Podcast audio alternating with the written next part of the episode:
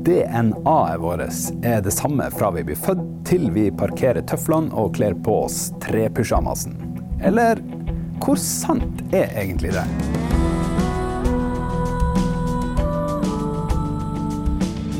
Observatoriet er en forskningspodkast fra UiT Norges arktiske universitet.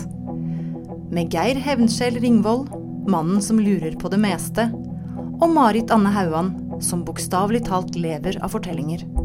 Og en ny, spennende forsker hver uke.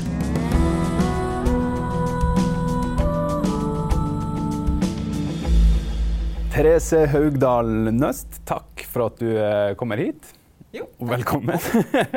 Du er postdoktor ved Institutt for samfunnsmedisin. Opprinnelig eh, feltbiolog. Du har tenkt å prøve å forklare til meg og Marit eh, før du, før du kom eh, inn i vårt studio, så diskuterte vi litt noe som, eh, som eh, vi researcha på deg, nemlig at eh, DNA-et i kroppene våre eh, kan endre seg på en eller annen måte. Og det var litt, sånn her, det var litt merkelig. Jeg trodde DNA var noe som var sånn absolutt. Det er liksom, uansett hva som skjer i livet ditt, DNA-et forblir det samme. Det er i ditt DNA, liksom. Det er sånn en saying. Eh, har du lyst til å forklare hvordan man kan forandre på det? Jo. Nei, det er jo som du sier, DNA er jo litt fast. Og det er jo det som er så fascinerende, fordi DNA er jo det samme i alle cellene dine. Så hvordan i all verden har du da en øyecelle og en levercelle og et hårstrå? Når DNA-et som ligger bak det, er akkurat det samme. Så cellene har fått en kode som de behandler på ulikt vis. Og da bruker jeg å forklare det med at eh, som en notebok, så er DNA-et. Så på hver sånn notestrek så står det jo koda inn hva det betyr. Og hvis du kan spille et instrument, så kan man ta den notelinja og spille det. Men det blir ulikt om man gir det til en trompet eller om man gir det til et piano. Så blir jo det litt annerledes. Og alle cellene har ulike eh, notesekvenser som de spiller av. Men noteboka er den samme. Men ei celle kan spille én sang, og en annen celle kan spille en annen sang. Så da, det som forblir helt identisk uansett hvordan du vrir og vender på det, det er melodien, altså tonehøyde og sånt. Men du kan forandre på uttrykket. Riffet på gitaren, f.eks. til Eric Clapton, Du kan forandre altså på det- tempoet og lydstyrke. Så at det som da er Det kan endre noen små ting i DNA, og det har man gjerne hørt om da som mutasjoner. Som skjer at den koden endres bitte litt. Men for deg så er jo alle cellene dine allerede ute i virksomhet.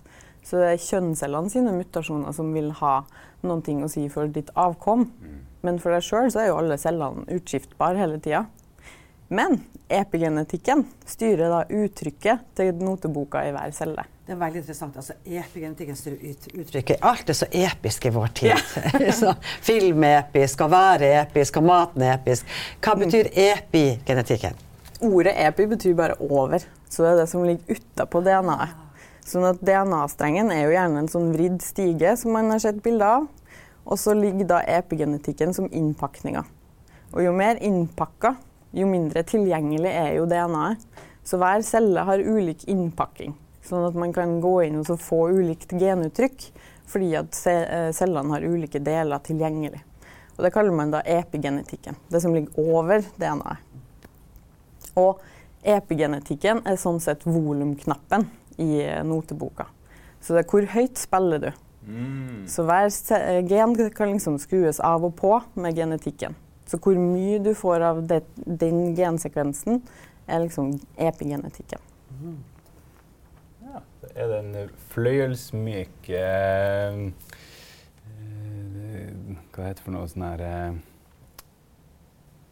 jeg, jeg prøvde å komme på et eksempel på et, et, et soft instrument, og så, og så setter de i kontrast. Faen, jeg var ikke så fornøyd med meg sjøl. Jeg burde vite, jeg kan navnet på nok instrumenter. Men det, det, som, det som jeg kanskje syns er litt sånn vanskelig å forstå, det er Altså EPI, det, det som er over. Så jeg forstår at det, det rammer rundt eh, DNA-et, så det kanskje beskytter det. Men så, men så eh, er, Hvis det må beskyttes, så er det jo for at det kan påvirkes. Yes. Altså, ellers så hadde du ikke trengt å beskyttes. Nei, så det, Den stabiliteten som ligger i DNA for at det skal være fast, er jo veldig avhengig av at det er pakka inn. Sånn at Hvis ikke så hadde jo DNA-strengen vår vært ganske utsatt og sårbar hvis den ikke hadde vært så godt innpakka. Og så har det òg med lagringsplass å gjøre. Hvis den ikke er kveila opp og pakka inn, så tar den jo stor plass. Mm. Men er vi, er, er vi, menneskene i vårt hverdagslige liv, driver vi og pakker opp? Ja, og det der det blir så spennende, fordi at DNA er jo litt sånn fast, som du sier. Og det er jo den arvelige biten som vi snakker om. Men hvor kommer miljøet inn? Fordi miljøet kan påvirke epigenetikken. Så hvordan du lever livet ditt, hva du er utsatt for både tidlig i livet og opp gjennom uh, voksenårene, påvirker hvilke uttrykk du har gjennom da epigenetikken, som et eksempel på at miljø påvirker da uttrykket av det arvelige. Herlig. for Nå har, vi, liksom, nå har vi kommet til det som er etter en sånn litt lang intro, så er det det du forsker på. da. Yes. Så, så, det jeg kanskje burde ha sagt i starten. Men eh, du tilhører forskningsgruppa i systemepidemiologi. Mm. Uh, si det. ja. som, som, eh, forsker på eh, hvordan ulike eh, miljøeksponeringer påvirker kroppen vår. Mm. Eh, og noen vet vi, og noen faktorer er det eh, nå i 2018-19, så er det såpass opplest og vedtatt at eh, hvis du røyker, så påvirker du eh, genetikken på en miljømessig måte. Ja, vet vi det? Jeg vet jo at man kan få lungekreft og bli syk av røyk, men, men jeg visste ikke at, kunne, at det gjorde noe med genetikken. Det er akkurat det her jeg jobber med. Ja. Så vi har gjort et studie på lungekreft og sett på røykemarkører. For det er epigenetikken, da, det er sånne små flagg inni DNA-tråden. Og vi har da sett på hvor mange sånne flagg som vi kan knytte og så se da i blodprøver fra en eh, studie vi har, kvinner og kreft, der vi har sjeldent materiale der vi kan gå inn og i hver blodprøve analysere denne DNA-metyleringa som et eksempel på en epigenetikk. Sånne flagg og se er de ulike hos dem som røyker, og dem som ikke røyker. Og sammen med forskere verden over så vet man om mange sånne flagg som er knytta til røyking. Er du røyker nå? Har du røyka før? Sånn at det vises i epigenetikken om du slutta å røyke for ja. Jeg før. Hva du ser hvis du hadde sett mine gener, eller mitt, mitt blod, hva du så, så da? I kvinner- og kreftstudien ja. så har man vist at opptil 30 år etterpå så finner man igjen sånne flagg som er knytta til om de røyker. Så selv om man har slutta, så går jo lungekreftrisikoen veldig ned med en gang. Men de der epigenetiske markørene dem kan man gå inn og se i lang tid etterpå. Og det påvirker ikke bare, ikke, Vi snakker ikke bare om lungekreft. Vi snakker ikke bare om at røyking har, noe, har en sånn epigenisk eh, innvirkning som gir oss lungekreft, men det er andre ting òg. Ja, vi ser mest på de markørene som har med den eksponeringa du har hatt. da. Mm. Sånn at vi prøver å finne markører som sier noe om fremtidig sykdom. Men for å komme dit, så må vi studere mer eh, og hva vi skjønner av de epigenetiske markørene om eksponering. Så vi har nå da jobba mest med lungekreft og røyking. Og jeg skal få lov til å fortsette å jobbe med det. Mm. Men det finnes jo mange studier som knytter det til annen type livsstilfaktorer. Eh, BMI, noen ser på trening, noen ser på at faktisk så kan man gå inn i epigenetikken og se hvor gammel man er. Og hvor lang, lang, tid i livet man har levd. Og man kan predikere, altså estimere hvor gammel en person er, basert på de her markørene i en blodprøve. Så du trenger ikke å vite det? Du kan få blodet mitt, og så trenger du ikke vite når jeg er født og hvor gammel jeg er? Man kan gjøre det. Jøsse mm. mm. ah. Men de er da ikke nøyaktig nok til at man bruker det til noe annet enn forskning per i dag. Det kan ikke bruke det til å estimere alder på hvem som helst. Nei, Så det er ikke noe som politiet har fått til? De gjør ikke sånn. Nei. Nei, for det var et, et stort gjennombrudd innenfor eh, både kreftbehandling og forskning i 2003. Da vi fikk kartlagt DNA-et vårt. Ja. Eh, og er det da liksom fra eh, start til slutt i den der eh, lille vindeltrappa eh, som vi kjenner igjen fra bildene, mm. Eh, så, så, vet vi hva alt er, og hvordan det skal se ut, eller Å, det høres bra ut, men vi gjør nok ikke det. og selv om man kjenner notesekvensen, så har man ikke skjønt det der med hva som står om volumet ennå, og hvilket instrument som tolker hver notesekvens. Man kjenner liksom den genetiske koden, som man sier, men vi har ennå ikke skjønt alle leddene i at DNA ligger i cellekjerna til at du får et protein ut i cella. Det er mange småsteg der som ennå ikke er helt kjent. Jeg, jeg, jeg har litt lyst til å, å gripe fatt i dette at du også er statistiker. Jeg later som jeg er. Ja, du later som du er statistiker. Jeg har brukt statistikk som verktøy opp ja, gjennom det jeg har fordi gjort. at, um, ikke sant, Når du bruker statistikk i, i, um, i, i forskninga di, hvor mange pasienter må du ha? Hvor mange ganger må du gjøre samme øvelsen før du har en validitet som gjør at du at du kan si noe fast. Nå, kan du, nå skjønner jeg at vi er på antydningens uh, nivå, eller vi, på, vi ser noen tegn. Ja. Ja. Vi kartlegger. på Ja, ja. Eh, vi Fortell har litt om det der. Hvordan I hele Kvinner og kreft, da, som er 170 000 damer, så må man jo opp i så mange damer. Av dem så har vi blodprøver fra ca. 50 000 av dem. Og igjen av de 50 000 så har vi nå da venta i tolv år, kanskje, og vi har 130 lungekrefttilfeller. Og så har vi funnet noen som ikke har lungekreft. Og denne blodprøven ga dem før de fikk lungekreft. da. Sånn at vi prøver å se etter signaler som er knytta til fremtidig sykdom, men eksponeringsstatusen i det de gir blodprøven. De 130 forteller oss bare det det forteller. Så det jeg skal i gang med, er et forskningsprosjekt der man prøver å gå utover kvinner og kreft og se på tilsvarende type studier, sånn at vi får flere. For vi må ha flere, og vi må se om det er likedan andre plasser. Fordi eh, det her eh, statistikken eh, inkluderer noen ting som vi omtaler som omics-data. Omics? Omics. Så genomics, epigenomics og transcriptomics. Det er veldig mye sånn artige navn man kan henge seg opp i. Men alt det her refereres da til som omics-data. Og f.eks. i de markørene. For hver blodprøve så har jeg 450 000 tall. Sånn at man må gjøre en god del statistikk, og eh, man må holde tunga vendt i munnen når man holder på med det her, da, for hva har vi egentlig funnet ut? Og så er det litt sånn du sier, da, hva har vi egentlig funnet ut imot hva kjenner man om den genetiske koden og dagens forståelse? Men 50 000 blodprøver og 130 som, som har fått kreft. Det er jo ikke noe rasende høyt tall. Er det det? Men vi har norske damer. Sånn at heldigvis så er det ikke sånn sett veldig mye lungekreft iblant dem. Å ja. OK, vi er liksom på den andre, mm. den andre sida. Men i dag i Norge da, så er det jo like mange damer som menn som får lungekreft. Og damene har tatt igjen menn. Sånn at nå er det likestilling på lungekreftstatistikken. Det, det var ikke vanlig for damer å røyke før på hva det var, 50-60-tallet. Sånn at det, det, tidligere så har lungekreft vært en sånn typisk sånn gubbesykdom. Men i min Men, generasjon så endra vi på det der. Ja, dere, Vi dere, var likestilt. dere tok sneipen. Voksne. Det er sant. Men er det, altså vi, vi har jo nevnt røyking, for at det, det er jo en, en, eh, ganske sånn kjent miljøfaktor. Mm, og sterk. og sterk, ja, ikke minst. Eh, er det andre sånn, miljøfaktorer som eh, folk kanskje ville bli litt sånn overraska over at det påvirker den her, som gir en ekstra crescendo her, eller en, eh, en, en liten stakkato der? Ja. Eh, nei, det er de Litt som du sier, da, de intuitive, sterke miljøfaktorene kjenner man jo kanskje til at har mer påvirkning. Eh, medisinbruk, sånn luftforurensning. Eh, men det kommer litt an på hvilke av de her omics-nivåene man kikker på. Vi, når vi kikker på epigenetikken, så er den nærmere DNA-et. Den er mer stabil enn om du skulle ha sett på genuttrykket, f.eks. Så har det også vært med i studier der vi har sett på om kaffedrikking har noe å si for genuttrykket i blodet til damen vi har der og da. Fant dere noe?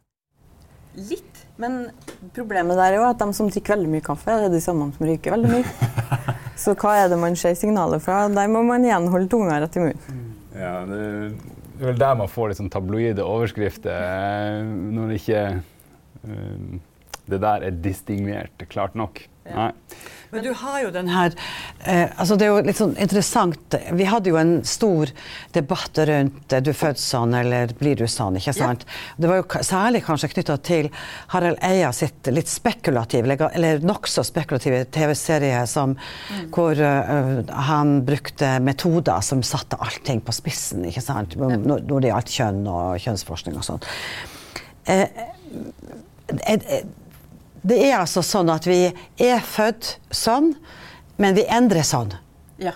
Er det sånn? Skal vi Og epigenetikken er litt mer i blitt sånn. Ja, det er blitt Sånn sånn, ja. DNA-koden ja. er mer eller mindre uforandra. Men det du lever som, det kan være med å påvirke epigenetikken din. Alt som er sunne vaner, kan man tro at har en påvirkning på stabiliteten til det her. Da. Men hvis vi, da, hvis vi da tar dette her med at folk slutter å røyke, eller jentene, kvinner slutter å røyke og sånn, så sier du 30 år. Enda 30 år etterpå så ser man at de kan få lungekreft.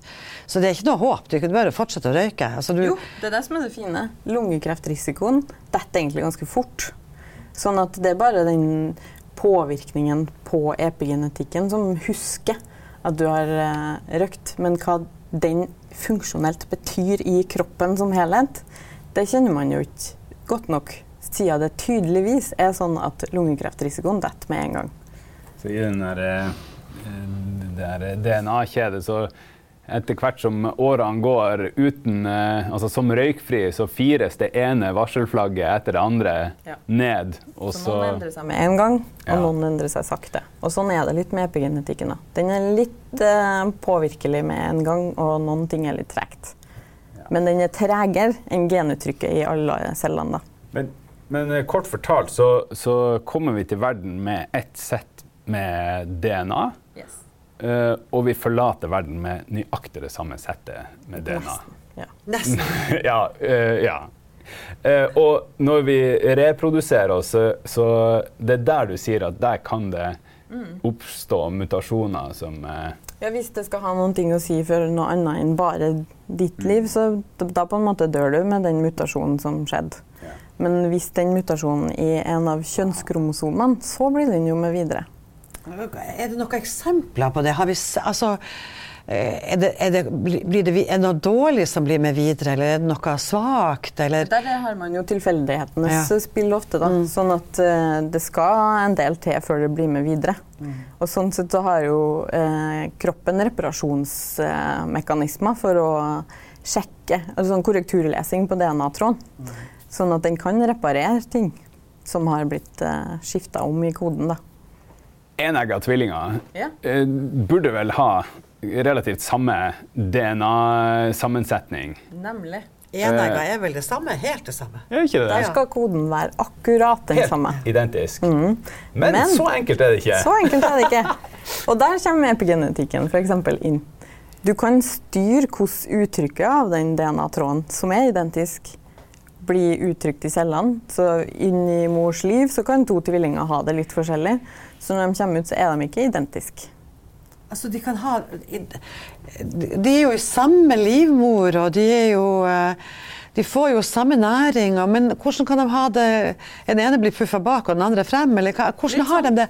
Å ja, er det så rett og slett miljøet i ma Og der er da, da, der miljøet kommer etter arven. Der har man et eksempel på at miljø kan komme og påvirke genetisk kode som er lik. Ja, for det har jeg sett i, i det, Jeg liker veldig godt det britiske programmet QI. Eh, Som har gått på BBC. Og der eh, mora han seg veldig over en katt som var klona.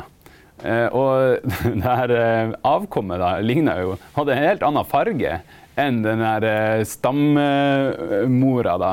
Yeah. eh, fra genetikken. Men da er det en sånn type faktor at eh, det, det er en litt sånn annen prosess eh, som skjer i utviklinga av det her eh, fosteret. da. Og nå husker jeg ikke helt hva den katta heter, men jeg ser ikke bort fra at dette er et eksempel på epigenetikk. For dette mønsteret i sånn kattefarging, det er en epigenetisk eh, mekanisme.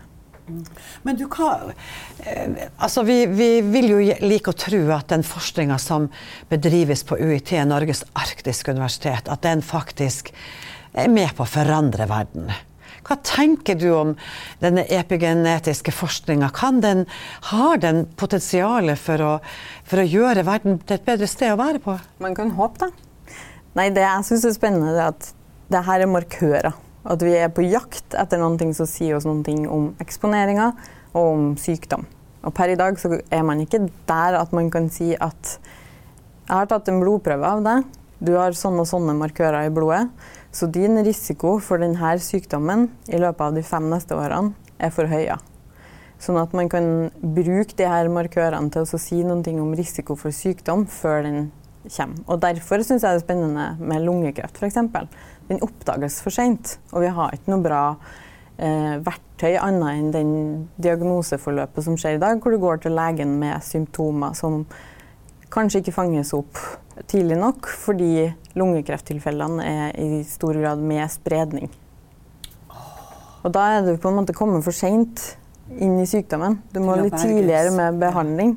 Så hvis epigenetikken og markører som vi bidrar med å få fram, kan bidra til at en dag havner vi der, så jeg er fornøyd. Kunne man funnet en måte å reversere de markørene på? At man tok en sånn antirøyk eh, etterpå som, som påvirka ja, ja, som påvirka i motsatt retning av det mm. nikotin og tobakk, tjære og alle de andre giftstoffene ja. Er det sånn at er, er, fort, er det sånn at sunt liv godt, sunt liv er den typen eh, motmiddel. motmiddel. Ja. Jo, litt sånn. Man vet jo ikke helt nok, da. Men eh, så at her havner vi tilbake til statistikken og hvor styrke, hvor styrke vi har til å kartlegge det her. Men eh, antioksidanter f.eks.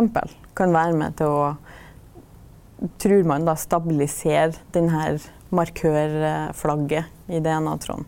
Mm. Så sånn sett, ja. Ut, forutenom det så er det vel alt med måte, som ja. vanlig.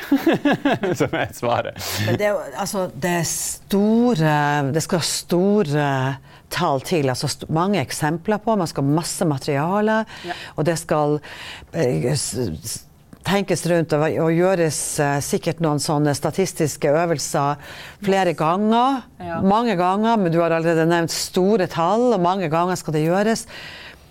Hvordan havner man i en sånn type jobb? Hvordan, hvordan blir man systemepidolog?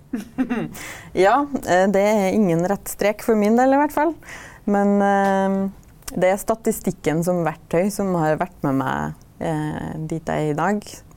Jeg gjorde en doktorgrad på miljøgifter i Tromsø-undersøkelsen. Og der var det det at jeg kunne gjøre statistikken sjøl, som gjorde at jeg fikk gjort mye spennende der. Og det var en god utdannelse med bra statistisk innføring som gjorde at jeg har vært klar for å si ja, jeg kan gjøre det der. Så, Men det starta jo på en gård i Nord-Trøndelag ja, ja, med ei nysgjerrig lita jente.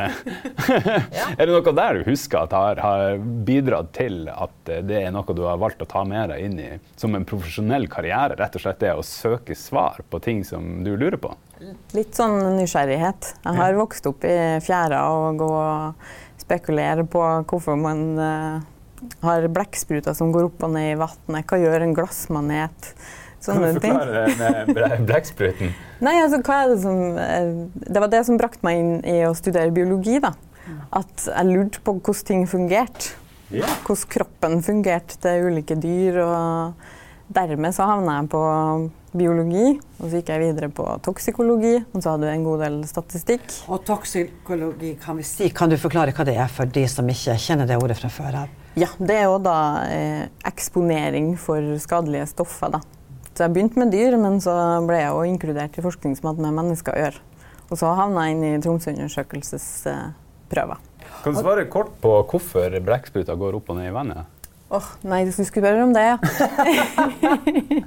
nei, de, de har sånn der, et sånn veldig porøst skall, hvor de da bruker trykket til å styre hvor mye luft som går inn og ut. Så jo lenger ned, jo mindre luft kan du ha. Noe sånt. Det var den korte varianten. ja. Så jeg er helt sikkert en hel avhandling eh, om bare det. Fysiologibiten når jeg studerte, det var det jeg syntes var spennende. Så det er kanskje det som driver meg litt videre nå. Da. Ja. Du har allerede nevnt Tromsøundersøkelsen, så vi må jo si to ord om. Det er en undersøkelse som har pågått nå over mange tiår, hvor mm. Tromsøs befolkning i ulike mengder og, og, varianter kommer til å bli tatt blodprøver av og målt og veid og alle disse her tingene som brukes til forskning, og som er mm. kanskje i alle fall er Norges største helseundersøkelse, og som står på statsbudsjettet. Men si meg, når jeg har vært på Tromsø-undersøkelse, har du sjekka, eller har noen sjekka mine blodprøver for miljøgifter? Eh, det skal godt gjøres at du er en av dem, men det har vært en studie der vi har eh, sett på eh, et veldig spesielt design som ingen kunne gjøre ellers i verden. Hvor de samme folkene har møtt opp siden 70-tallet. Og når de har gitt blodprøve, så har vi fiska opp de samme, og så så vi på at trendene av miljøgiftene gikk ned for dem som var forbudt. Så det var en glad sak. Oh, DDT, mindre, ja. mindre DDT. Mindre DDT. ja, ja. Så det som ligger i fryserne borte på Institutt for samfunnsmedisin av blodprøver, det er virkelig gullmateriale. Oh, Fantastisk. Så bra, Marit, at uh, du og dine medsøstre, og etter hvert også menn, uh, møter opp og gjør de her uh, greiene. Men eh, veien videre eh, Jeg tenker det her er jo Det høres ut som et sånn utømmelig tema for eh, forskning videre. Hva er det du gir deg ut på nå? Ja, nei, det vet man jo egentlig ikke hvor uh, det ender. Altså. Ja. ja, det er litt sånn at vi må jo få penger til å gjøre de her studiene. Ja. Sånn at, og de her uh, analysene av DNA-metylering i blod, det er dyrt. Så vi trenger ganske mye penger for å få til og med gjort de 130 blodprøvene. Så gitt at man får penger til å fortsette å holde på med det her, så syns jeg det er såpass spennende at det vil jeg være med på. Vi kan vel si at uh, dette miljøet som du tilhører, er et ganske stolt og anerkjent miljø ledet av Eilif Lund i mange, mange år. Mm. Uh, så, som nå er pensjonert uh, forsker, men sikkert er der innimellom å trekke en tråd eller ikke. Sånn at uh, jeg regner med at dere, dere har litt status når, de, når, dere er ute og søker penger. Men dere har også en ny og ung generasjon inni dette. Hvor mange folk er det som tilhører den gruppa i dag? Vi er vel mellom 25 og 30 stykker. Og vi prøver jo å bringe arven videre. Vi skal prøve å forvalte de blodprøvene og de spørreskjemaene som alle damene har gitt. Sånn at uh, det blir mye nyttig helseforskning ut av det. Vi, det er det her noe som foregår ved alle universitet i Norge? ISM er veldig flink på undersøkelsene sine. Ja, Institutt for samfunnsmedisin ved ja. UiT Norges arktiske universitet. Det stemmer. og det, Kvinner og kreftstudien og Tromsø-undersøkelser er to veldig store, fine studier. Som er ganske unike. Ja. ja. Mm. Jeg har skjønt etter hvert, jeg som er litt sånn fra utsida av universitetet, at um, jeg skal være stolt av eh, Tromsø-undersøkelsen her. Ja. Universitetet i Tromsø, Norges arktiske universitet. Det ruller bedre og bedre på tunga det der nå. Ja. Um, det er jo da avhengig av at folk møter opp når uh, det mm. spørres. Når folk uh, spør, uh, fyller ut spørreskjemaene sine og sender inn blodprøver og møter opp. Mm. Ja, ja, ja. Det er, det er klart om dere blir litt sånn prisgitt det. Mm. Forskningsfeltet om 50 år, er det igjen uh, samme? Uh, at det har med penger å gjøre? Eller ser du allerede nå noen sånne mulige ting som du kunne tenke deg veldig å se videre på? Sånn her, Får vi mer plast i blodet? Er det sånne ting som er litt oppe i dagen nå, da? Ja. Eh, det har vi faktisk diskutert. Ja. Men eh, jeg har jobba med blodprøvene i ganske mange år, og jeg syns det er veldig mye spennende hvor mye vi kan lære fra en blodprøve. Og det å kartlegge markører i blod som et relativt tilgjengelig eh, prøvemateriale fra et menneske, der kan vi lære mye. Så om 50 år så håper jeg vi har lært massevis. Eh, og fortsette å lete etter nye ting. Ta med oss det vi har lært av, og så sjekke nye ting. Det være seg plast eller hva vi tror vi er eksponert for i dag. Har vi det i blodet, så er det jo inni oss. Og da vil det også kanskje være utvikla en kunnskap som ikke bare forskerne på Institutt for samfunnsmedisin kan, men også legene blir utdanna i. Eh, fordi at eh, jeg antar at i dag så kommer ingen lege til meg og sier ja, Marit, det er så og så lenge siden du slutta å røyke, og nå ser vi at det er en liten fare for at du utvikler lungekreft. Det er ingen som kan gjøre det i dag. Nei. Vi er nok mer på grunnforskning, ja. og så kommer da det å oversette til en klinisk hverdag, til noe som er i praksis på sykehusene, det er vi et stykke unna. Men eh, vi håper jo at det, det vi gjør, bidrar til at det en dag havner i en sånn setting. Fantastisk. Vet du, vi sier uh, Therese Haugdal Nøst, tusen hjertelig takk for at du kom hit og kjørte litt sånn voksenopplæring i uh, hva som beveger seg inn i kroppene våre, og uh, også den spennende veien videre innenfor et viktig forskningsfelt. Så tusen takk for at du kom. Ja, tusen takk for meg.